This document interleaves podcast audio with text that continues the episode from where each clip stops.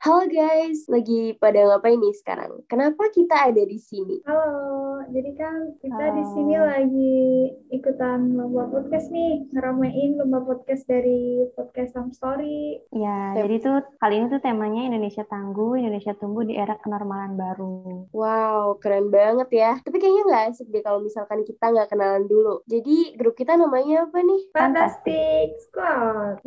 Wow, oke. Oke. Mungkin kita kenalan dulu aja kali ya, mulai dari aku, kenalin nama aku Himatul Asana, biasa dipanggil Hima. Sekarang aku mahasiswa di jurusan Komunikasi Penyiaran Islam, Universitas Islam Negeri Sunan Kalijaga, Yogyakarta. Lanjut. Nah, selanjutnya aku nih, kenalin nama aku Nabila Umar Mutia, biasa dipanggil Nabila. Aku sekarang mahasiswa UIN Sunan Kalijaga Yogyakarta di Prodi sama kayak Hima, Komunikasi dan Penyiaran Islam. Kebetulan kita seprodi ya, Him. Aku beda sendiri nih. Halo, kenalin semuanya. Namaku Sari Sarul Fatma, biasanya dipanggil Nana. Aku dari Prodi Hukum Tata Negara. Tapi kita se ini ya, seunit dari Universitas UIN Sunan Kalijaga juga.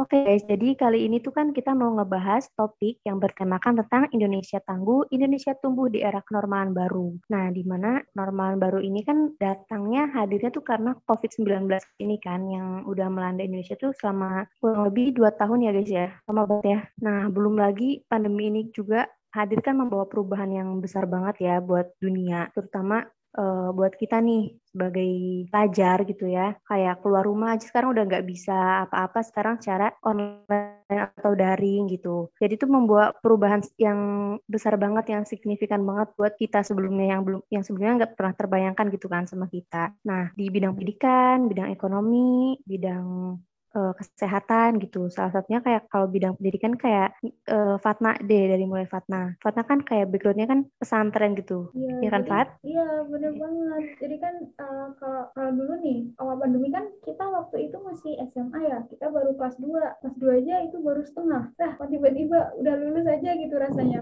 Kayak kita belum dapat apa-apa waktu sekolah. Jadi ya suka dukanya mesti banyak. Terus kalau sekarang juga kita udah jadi mahasiswa. Jadi mahasiswa juga kayak rasanya sama aja gitu pas akhir-akhir SMA sama waktu awal-awal jadi mahasiswa.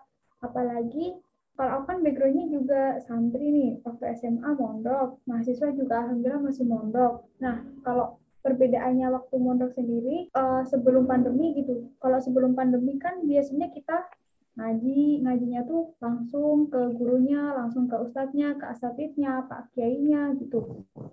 Terus kalau misal pandemi, waktu awal-awal pandemi malah kita bener-bener diliburin. Jadi nggak ngaji sama sekali. Langsung ya kayak kalau mau ngaji ya di rumah. Kalau di rumah kan otomatis eh, harus mempunyai kesadaran yang besar ya. Jadi kalau mau ngaji juga terserah. Kalau nggak mau ngaji juga ya sana silahkan gitu. Jadi emang kalau Iya. menurutku jadi santri waktu pandemi itu eh kayak kita harus benar-benar menjaga itu apa eksistensinya sendiri gitu loh. Paham kan dia bener maksudnya? banget. Mungkin teman-teman Iya. bener ya, mungkin teman-teman santri yang lain juga ngerasain banget ya gimana itu rasanya kalau santri waktu pandemi itu kita di rumah ya udah kayak kayak bukan santri kayak sama aja sama yang lain gitu. Iya, apalagi kan kalau santri itu kan kayak yang diajarin tuh etika, tata krama itu kan nggak bisa ya diajarin lewat eh, online atau secara daring. Itu harus benar-benar langsung dari dari ustadznya ke ke ke santrinya gitu. Jadi pasti kerasa banget Fat perbedaannya kalau sebelum ada pandemi sama seudah ada pandemi. Iya, bener banget. Itu juga mungkin jadi salah satu PR-PR buat asatid-asatid yang di luar gitu ya. Karena kan dalam Islam, terutama dalam Islam, itu kan, Dalam Islam, ilmu itu perlu adab gitu kan. iya, iya, Iya, iya benar-benar. iya, iya, maksudnya gitu. Pokoknya eh, adab lebih lebih tinggi tingkatannya daripada ilmu. Akhlak lebih baik tingkatannya daripada ilmu gitu. Iya, iya. Nah, jadi kalau pandemi gini nih, sebagai santri, kalau dulu kita ketemu asatid langsung eh, misal apa nunduk gitu. Habis itu cium tangan. Kalau sekarang pandemi gitu kan kayak gimana gitu ya. Kalaupun misal Iya. mau nggak bisa mau cium tangan juga. iya salaman aja nggak boleh sekarang apalagi mau cium tangan gitu ya nah mungkin itu juga masih jadi kayak PR gitu jadi akhlak eh, kalau dulu kan akhlaknya lebih ya itu lebih langsung sopan santun adab etika terhadap orang lain terhadap guru-guru. Mungkin kalau sekarang adab dan etikanya lebih kepada tata cara buat ngechat guru gitu ya mungkin kalau sekarang mah. Jadi bedanya di situ sih. Iya, soalnya kan apa-apa sekarang langsung. Soalnya kan apa-apa sekarang online kan. Dari via WA atau yang lainnya. Jadi ber- berusaha semaksimal mungkin buat sesopan mungkin gitu sama sama yang lain sama ustadz atau guru-guru kita gitu. Oke, nah itu dari Fatna ya. Gimana nih kalau dari Hima sendiri sebagai uh, dengar-dengar kan Hima ini kan konten kreator juga kan, suka bikin video-video uh, edukasi gitu kan di di TikTok, di Instagram juga aku sering lihat nih, sering like juga, sering komen. Nah, buat Hima nih, apa sih dampak uh, bagi konten konten kreator terhadap uh, dampak pandemi terhadap konten kreator kayak Hima ini contohnya? Apa suka dukanya kalau ada uh, karena ada pandemi ini? Oke, okay. kalau aku pribadi sih sebenarnya aku kan konten itu tuh di rumah ya. Jadi bahkan aku tuh mulai ngonten lagi. Dulu tuh sebenarnya aku juga sering ngonten gitu sebelum pandemi. Tapi aku tuh seringnya ngontennya tuh emang di kamar gitu, di rumah gitu. Jadi uh, pandemi itu menurut aku dampaknya buat aku tuh nggak ada sama sekali ya untuk perkonten-kontenan kayak gitu.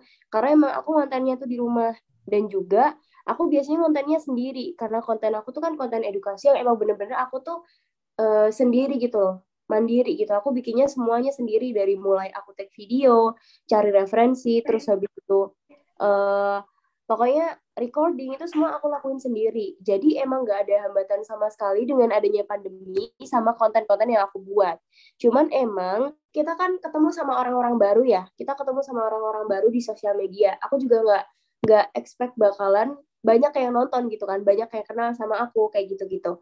Nah, akhirnya ada beberapa orang yang emang mereka tuh tokoh gitu, pengen ketemu. Nah, tapi hambatannya itu tadi kayak ih masih pandemi, kayak gini, kayak gini, kayak gini. Yang harusnya aku bisa dapat ilmu banyak dari mereka kalau ketemu langsung itu jadi nggak bisa gitu. Gara-gara emang terbatasi oleh pandemi ini gitu. Kalau konten sih aku sih masih berjalan lancar aja ya sampai sekarang. Aku bisa konten kapan pun karena emang aku kontennya tuh di rumah gitu sih Bill. Oh iya iya sih bener banget. Ya gara-gara ada pandemi ini kan jadi nggak bisa ketemu secara langsung sama tokoh-tokoh yang seharusnya tuh kita belajar banyak tuh tentang uh, dari mereka tentang dunia perkontenan gitu kan. Sebenarnya bisa juga sih yeah. ya Him kayak dari Zoom, dari Google Meet. Cuman kan nggak semua nggak semua orang tuh uh, dengan mudahnya tuh beli paketan data, terus sinyalnya aman dan lain-lain itu kan pasti ada aja hambatannya gitu. Nah, kalau ya, dari Hima sendiri, hadapin itu gimana, Him? Um, kalau aku sendiri tuh, aku ya, yang paling survive itu ketika aku kuliah gitu. Nah, sekarang kan aku udah kos ya. Nah, tapi di rumah aku itu sinyalnya tuh nggak terlalu bagus gitu. Jadi waktu itu pernah, um, ketika sinyal aku nggak bagus, itu kayak, aduh bingung gimana ya ini sinyalnya nggak bagus, padahal harus ada kelas, sekarang mana harus absen, kayak gitu-gitu kan. Nah, di situ muter otak harusnya gimana nih caranya gitu. Akhirnya aku bener-bener kayak yang ke daerah lain buat cari sinyal sampai segitunya. Soalnya emang di rumahku tuh susah sinyal banget gitu walaupun aku udah pakai wifi gitu kan. Jadi kayak menurut aku itu tuh uh, hal yang apa ya yang bikin capek sih sebenarnya. Karena kan kita nggak tahu ya dosen itu mau toleransi atau enggak. Karena emang uh, ada beberapa dosen yang emang strict gitu. Nggak mau uh, apa ya namanya nggak mau tahu urusan mahasiswanya pokoknya intinya kita kelas jam segini kamu masuk jam segini kalau nggak masuk berarti kamu um, absen gitu. Kamu nggak nggak nggak hadir di perkuliahan gitu. Ada dosen yang kayak gitu tapi untungnya juga ada dosen yang gampang ngertiin kita gitu sebagai mahasiswa. Posisinya sama nih. Dosen pasti juga punya apa ya namanya pastilah dosen dosen itu punya uh, keterbatasan gitu entah mungkin ada acara segala macam. Nah kita uh, sebagai mahasiswa itu juga bisa menoleransi kan. Harusnya dosen juga gitu. Jadi kayak saling aja gitu loh. Kayak saling mengerti sih sebenarnya harusnya kalau dalam kondisi seperti ini tuh. Nggak boleh saling menuntut gitu. Iya sih, bener banget setuju. Soalnya kan tiap orang kan juga punya keterbatasan masing-masing kan ya, apalagi COVID kayak gini, banyak banget kendalanya. Nah, kalau dari Fatna sendiri nih, gimana Fat?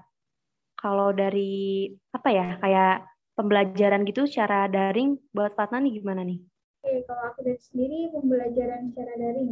Dulu kalau misal kayak di, uh, terutama aku sebagai mahasiswa sama santri gitu ya, kalau dulu tuh biasanya uh, pas masih SMA gitu, kan ini nih ada waktunya kita balik lagi ke pesantren udah dibolehin masuk masuk masuk ke pesantren gitu pas awal-awal new normal itulah pokoknya jadi kan sebagian santri tapi nggak semuanya uh, boleh balik lagi ke pesantren. Tapi itu pembelajarannya nggak ada. Jadi, maksudnya sekolahnya belum ada gitu loh. Jadi ya kita balik ke pesantren tapi di pesantren kita cuma ngaji ke sekolah. Jadi sekolahnya tetap online gitu.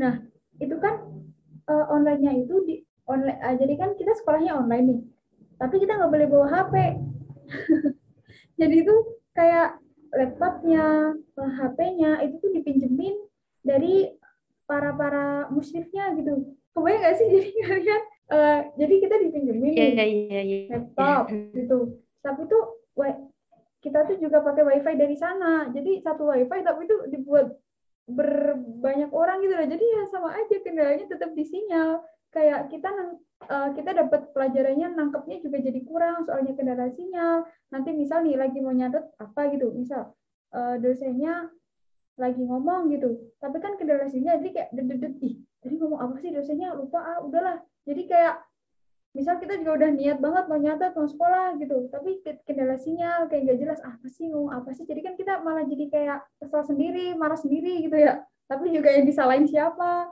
Jadi ya serba salah. Jadi ya menurutku sama aja sih kendalanya masih di sinyal. Walaupun aku seorang santri gitu loh. Sama aja sama kayak mahasiswa lain. Justru malah kita lebih bukan lebih ngenes ya istilahnya lebih apa ya kayak lebih susah gitu soalnya kita juga ini harus ada peraturan pondok yang benar-benar mengikat ya gitu deh jadinya sama aja Iya, iya, iya, bener banget sih. Tapi kamu sadar nggak sih, nah kalau bener-bener sektor pendidikan itu tuh kacau banget gitu. Karena menurut aku ya, gara-gara pandemi ini, uh, seperti yang udah kita bahas tadi ya, kita jadi keterbatasan gitu buat ngikutin mata kuliah maupun pelajaran-pelajaran gitu. Karena adikku sendiri nih, adikku sendiri tuh kan SD ya dia um, terpaksa mengikuti pembelajaran secara daring. Sedangkan anak SD kan susah banget diatur ya. Karena menurutku itu benar-benar sektor pendidikan itu tuh sangat sekali gitu loh. Karena itu tadi kamu juga bilang kalau di sekolah itu kita belajar yang namanya etika, akhlak kayak gitu. Nah, sedangkan orang tua kan udah sibuk juga ya. Orang tua kan udah sibuk banget kerja kan di rumah. Jadi siapa nih yang mau ngajarin anak-anak ini yang mereka kalau nggak diarahin nggak bisa gitu. Jadi emang benar-benar perlu perhatian ekstra kepada anak-anak kecil yang mereka tuh masih belum bisa semuanya tuh terstyle dengan otomatis kayak kita sebagai seorang mahasiswa gitu.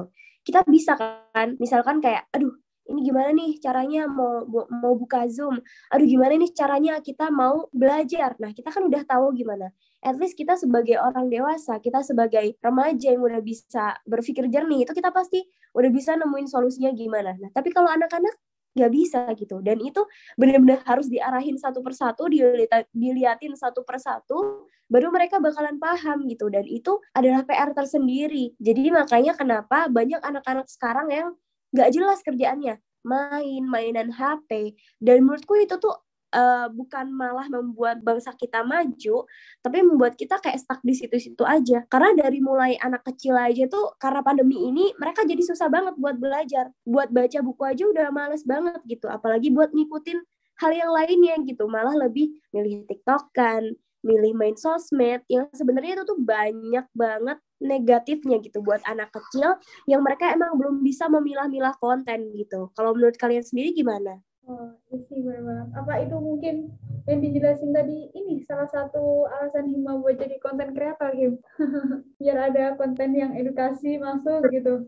Benar. Iya sih, aku gitu. Soalnya uh, kalau TikTok kan terkenalnya kan joget-joget ya. Kayak gitu-gitu kan ya. Di situ aku gimana caranya ya supaya bisa uh, ini ini TikTok itu nggak selalu dianggap negatif gitu. oh ternyata sekarang semuanya udah bisa terbuka nih sama TikTok. Karena apa? Di TikTok itu sekarang banyak konten kreator konten kreator edukatif juga. Jadi kayak menurutku sekarang masalahnya itu bukan di masalahnya itu bukan di aplikasinya deh, bukan di platformnya, tapi di konten apa yang ada di situ gitu. Jadi aku nggak mau dong menjadi salah satu penyumbang apa ya kayak penyumbang apa sih konten-konten negatif buat anak-anak bangsa kan nggak nggak nggak banget ya. Walaupun aku nggak bisa yang langsung ngajarin adik-adik kayak secara offline gitu, misalkan, oh uh, kelihatannya tuh kayak kalau misalkan kita mau mencerdaskan bangsa kita harus jadi guru. Sebenarnya itu enggak. Guru emang ada porsinya sendiri untuk mencerdaskan anak bangsa untuk uh, apa ya namanya tujuannya membuat Indonesia lebih maju lagi gitu. Tapi sebenarnya kita semua juga punya peran. Kita punya peran yang kita sebagai orang Indonesia sendiri aja tuh udah harus berperan gitu. Apalagi sebagai mahasiswa yang kita punya pemikiran yang fresh gitu. Kita punya raga yang masih kuat untuk memberikan sesuatu yang positif. Dan karena aku uh, basicnya konten kreator ya aku memberikan konten dong. Nggak langsung ngajar ke orang cuman emang aku memberikan konten yang itu bisa uh, memberikan uh, dampak yang positif gitu. Walaupun nggak ke semua orang cuman ke beberapa orang aja. Tapi at least I try my best gitu. Gitu sih. Kalau kamu gimana nak? Jadi salah satu apa lagi oh ya jadi alasannya dia jadi lebih istiqomah lagi jadi konten kreator di era pandemi mbak. Kalau aku sendiri sih mungkin uh, ini sih yang aku rasain yang kayak bener-bener anak SD tadi gitu. Jadi kan aku kan kebetulan ini ya ngeles gitu kan. Iya ngajar gitu adik-adik. Tapi cuma satu sih walaupun aku cuma satu private gitu ada adik-adik satu lah anak SD itu emang ya benar kata Hima orang tua tuh udah sibuk. Terus si anaknya juga nggak bisa nerima langsung dari guru. Kemarin malah ini tuh ibunya tuh kayak curhat gitu ke aku ya Allah gurunya nggak ngasih apa-apa, nggak ngajarin apa-apa, tapi kok ngasih nilainya C gitu jadinya. Gurunya kemarin bilang gitu kan, terus eh kok agak ngena juga gitu. Apalagi kalau misal gurunya dengar gitu kayak kok yeah, iya. bener yeah. gitu. Bener-bener banget. Iya sih itu sih kadang kayak kita kan nggak tahu ya guru itu sifatnya kayak gimana gimana gitu kan. Karakteristik guru kayak gimana. Nah, anak SD gimana bisa ngerti gitu karakteristik guru itu kayak gimana. Kalau misalkan kita sendiri kan, oh kita tahu dosen ini tuh misalkan dia bakalan ngasih nilai kita bagus kalau kita apa gitu kan, kan paham gitu. Nah tapi kalau anak SD gimana ya cara nilainya? Padahal kayaknya semua sama aja gitu. Jadi kayak kayak apa ya? Jadi kayak nggak objektif aja gitu nilai-nilai yang kita dapat tuh kayak, aduh rasanya kayak kurang banget gitu. Nggak nggak ada sesuatu yang wow gitu loh. Iya, kalau apalagi kan anak SD itu kan taunya cuma apa ya? Kan. Jadi belum tahu kayak apa yang harus dilakukan dilakukan ini buat dapat nilai yang bagus gitu. Kan kalau kita sebagai mahasiswa kan tahu gitu buat uh, buat dapetin nilai A itu tuh kita harus ngapain gitu. Nah jadi gitu nih guys. Kalau menurut aku sendiri nih untuk membangkitkan Indonesia, menjadikan Indonesia sebagai negara yang maju, negara yang terus bertumbuh, berkembang, itu nggak cukup dengan kita diem aja kayak gini gitu harus perlu perombakan yang hebat gitu dalam dunia pendidikan maupun sistematika pendidikan yang ada sampai saat ini. Apalagi tadi kita udah dengar testimoni dari teman-teman juga kalau ternyata emang pandemi ini bikin pendidikan tuh jadi kacau gitu dan pastinya banyak kekurangan-kekurangan yang harus kita hadapi gitu jadi emang bener banget nih kalau misalkan ingin Indonesia kita tuh lebih tumbuh lagi kita harus rombak sistem pendidikan yang ada di Indonesia kalau kamu sendiri gimana Nina ada tambahan nggak? Nah, bener banget nih apa yang diomongin Hima. Jadi kan paling penting dari semua sektor yang harus diperbaiki itu yang pertama sistem pendidikan. Sistem pendidikan yang ada di sekolah, di universitas, uh, ya pokoknya di mana pun itu. Nah, uh, sembari menunggu pemerintah memperbaiki sistem pendidikan yang ada, dari diri kita juga harus memunculkan kesadaran itu, kesadaran dari diri sendiri. Kalaupun misal uh, pemerintah belum memfasilitasi itu, belum memperbaiki fasilitasnya, belum ngasih bantuan paket internet lah atau apalah, ya yang penting dari diri kita sendiri ada inisiatif buat terus maju, terus berkembang, terus belajar melalui media apa pun, uh, melalui platform TikTok, Instagram dan lain sebagainya pokoknya. Wah, bener banget nih. Nah, mungkin itu aja ya yang bisa kita bahas di podcast kita kali ini. Ya, oke. Okay. Uh, eh, terima kasih buat teman-teman yang udah dengerin. Terima kasih juga buat podcast Some Story yang udah ngadain lomba yang keren banget nih, mesti. Bener banget. Oke, okay, mungkin segitu aja dari kita. Uh, mungkin dari obrolan kita tadi ada banyak hal-hal yang mungkin nggak sesuai ya di hati beberapa orang. Ya, pokoknya uh, apa baiknya diambil, apa buruk buruknya jangan diambil dong pasti.